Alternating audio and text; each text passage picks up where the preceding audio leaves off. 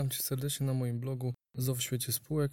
Poprzedni odcinek zakończyłem informacją, że umowa spółki ZO powinna zawierać pewne podstawowe elementy przewidziane przepisami prawa. Jak już to zostało powiedziane, do tych elementów zaliczymy firmę i siedzibę spółki, przedmiot działalności, wysokość kapitału zakładowego, określenie tego, czy wspólnik może mieć więcej niż jeden udział, liczbę i wartość nominalną udziałów objętych przez wspólników oraz czas trwania spółki. Dzisiaj powiem parę słów o każdym z tych elementów. Zacznijmy od pierwszego z nich, czyli firmy i siedziby spółki. Zasady ogólne prawa firmowego uregulowane w kodeksie cywilnym wskazują nam, że przedsiębiorca działa pod firmą, którą ujawnia w rejestrze.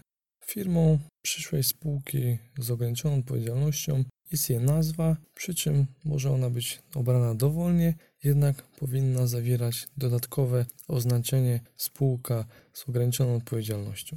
Te dodatkowe oznaczenie wskazujące na formę prawną może być podane w skrócie np. spółka ZO.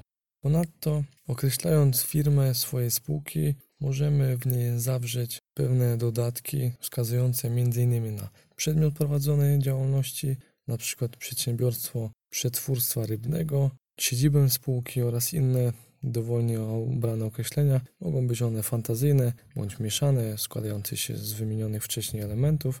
Oczywiście firma spółki może zawierać nazwisko lub pseudonim osoby fizycznej, jeżeli chcemy podkreślić np. związek tej osoby z działalnością przedsiębiorstwa. Jeżeli decydujemy się na ten krok, to należy zadbać o pisemną zgodę osoby, której nazwisko lub pseudonim są umieszczane w firmie. W razie śmierci takiej osoby będziemy potrzebowali zgody jej małżonka i dzieci. Niektórzy na pewno zadają sobie pytanie, czemu służy firma i po co te wszystkie określenia i dodatki. Przede wszystkim firma pełni funkcję indywidualizującą spółkę z ograniczoną odpowiedzialnością w obrocie gospodarczym. W związku z tym spółka może mieć tylko jedną firmę. Firma spółki z ograniczoną odpowiedzialnością powinna dostatecznie odróżniać się od firm innych przedsiębiorców prowadzących działalność na tym samym rynku. Ponadto firma spółki ZO nie może wprowadzać w błąd, w szczególności co do przedmiotu działalności, osoby przedsiębiorcy, miejsca działalności oraz źródeł zaopatrzenia.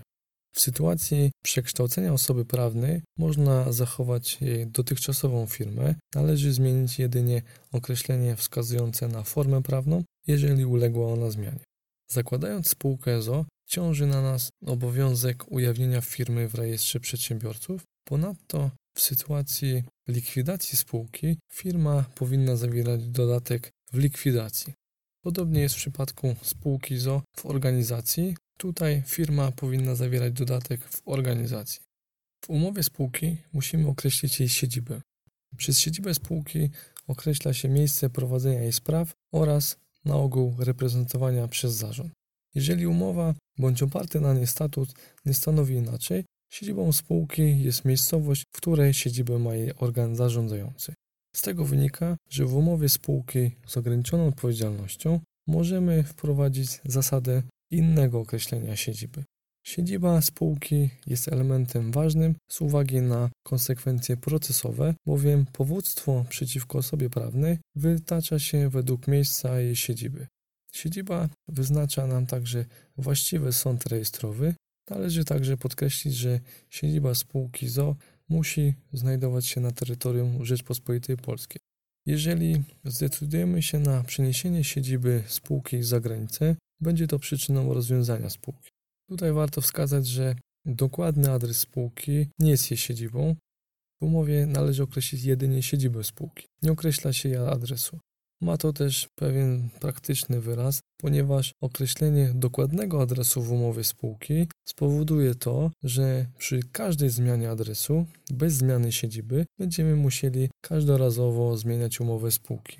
Jeżeli chodzi o kolejny element umowy, czyli przedmiot działalności, to w umowie spółki należy określić jej przedmiot działalności i przedmiot działalności jest uzgodnionym przez wspólników sposobem realizacji celu, dla którego spółka powstała. Jeżeli w przyszłości zdarzy się tak, że będziemy chcieli zmienić przedmiot działalności, będzie to wymagało podjęcia uchwały przez zgromadzenie wspólników, kwalifikowaną większością 3 czwartych głosów. Oczywiście tutaj umowa spółki może przewidywać surowsze warunki podjęcia uchwały.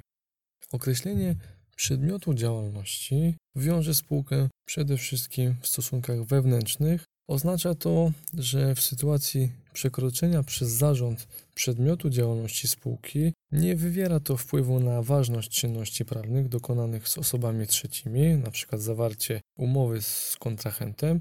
W praktyce, w trakcie próby określenia przedmiotu działalności spółki, może się pojawić pytanie, jak precyzyjnie należy to zrobić.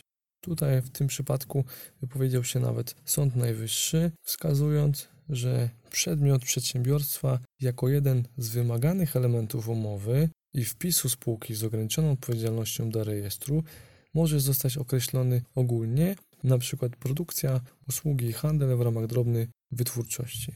Z kolei w innym orzeczeniu Sąd Najwyższy orzekł, że przedmiot przedsiębiorstwa jako jeden z wymaganych elementów umów i wpisu spółki z ograniczoną odpowiedzialnością do rejestru powinien być skonkretyzowany określeniem co najmniej rodzaju prowadzonej działalności. Przedmiot działalności pojawia się w rejestrze przedsiębiorców KRS, a ściślej w dziale trzecim tego rejestru i przepisy nakładają obowiązek zamieszczenia w rejestrze przedmiotu działalności według polskiej klasyfikacji działalności gospodarczej. Umowa spółki powinna określać przedmiot działalności, posługując się ściśle terminologią określoną w rozporządzeniu Rady Ministrów z dnia 20 stycznia 2004 roku w sprawie polskiej klasyfikacji działalności. Jeżeli nie zastosujemy terminologii użytej w tym akcie prawnym, sąd rejestrowy wezwie nas do uzupełnienia braków wniosku o wpis spółki do rejestru, wydłużając tym samym proces rejestracji. Jeżeli chodzi o kolejny element umowy, czyli kapitał zakładowy, to kapitał jest elementem charakterystycznym zarówno dla spółki z ograniczoną odpowiedzialnością, jak i spółki akcyjnej. Kapitałem jest kwota pieniężna, którą wspólnicy zobowiązują się wnieść do spółki w formie wkładów pieniężnych bądź niepieniężnych i powinien on wynosić 5000 zł. Jest to kwota minimalna. Kapitał stanowi minimalny, stały fundusz ewentualnego zaspokojenia wierzycieli spółki, warto zaznaczyć, że w procesie rejestracji spółki ZO sąd nie, nie ocenia, czy kapitał wystarczy na zrealizowanie określonego w umowie przedmiotu działalności i czy stanowi on gwarancję wypłacalności spółki. Kolejny element, um, jaki powinna zawierać umowa, jest to określenie tego, czy wspólnik może mieć więcej niż jeden udział. I tutaj, zgodnie z przepisami, w spółce mogą występować udziały o równej bądź nierównej wartości nominalnej. Jeżeli w umowie wskażemy, że wspólnik może mieć więcej niż jeden udział, wtedy udziały w kapitale zakładowym powinny być równe i niepodzielne. Z drugiej strony, wskazując, że wspólnik może mieć tylko jeden udział, wówczas udziały mogą mieć nierówną wartość nominalną. W takiej sytuacji umowa spółki może dopuścić zbycie części udziału. Wartość nominalna jednego udziału nie może być niższa niż 50 zł. W sytuacji podziału udziałów nie mogą powstać udziały niższe niż 50 zł. Wysokość kapitału zakładowego, jak i wartość udziałów powinny być wyrażone w złotych polskich. Udziały można podzielić na zwykłe i uprzywilejowane. Jeżeli umowa spółki przewiduje udział o szczególnych uprawnieniach, czyli udziały uprzywilejowane, uprawnienia te powinny być określone w umowie. Uprzywilejowanie może dotyczyć w szczególności prawa głosu, prawa do dywidendy lub sposobu uczestnictwa w podziale majątku spółki. Uprzywilejowanie dotyczące prawa głosu może dotyczyć tylko udziałów o równej wartości nominalnej i nie może przyznawać więcej niż trzech głosów na jeden udział. Uprzywilejowanie w zakresie dywidendy oznacza, że uprzywilejowanemu można przyznać dywidendę, która przewyższa nie więcej niż o połowę dywidendę, która przysługuje udziałom nieuprzywilejowanym.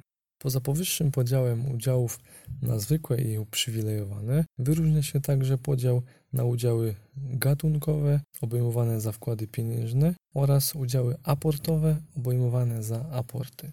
Umowa spółki powinna także określać liczbę i wartość udziałów nominalnych objętych przez poszczególnych wspólników. Zgodnie z przepisami udziały nie mogą być obejmowane poniżej ich wartości nominalnej, czyli wartości udziału przyjętej przez wspólników przy zakładaniu spółki, opisanej w umowie lub w statucie.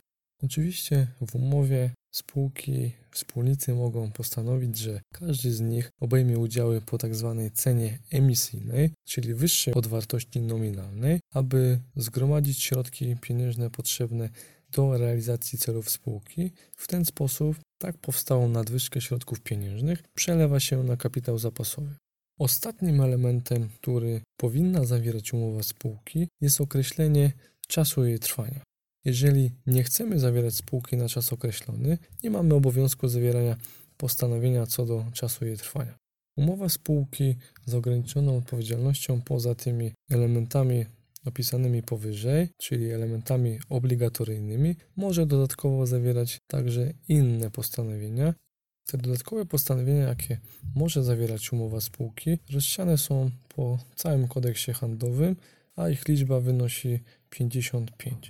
Przykładowo, takie dodatkowe postanowienia mogą dotyczyć m.in. ograniczenia lub wyłączenia wstąpienia do spółki spadkobierców na miejsce zmarłego wspólnika, mogą dotyczyć zasady podziału spółki czy kworum niezbędnego do ważności zgromadzenia wspólników. W następnym wpisie postaram się przybliżyć, jakie elementy zawiera wzorzec umowy spółki formularzowej z trybu S24. Dzisiaj to na tyle. Dziękuję za uwagę.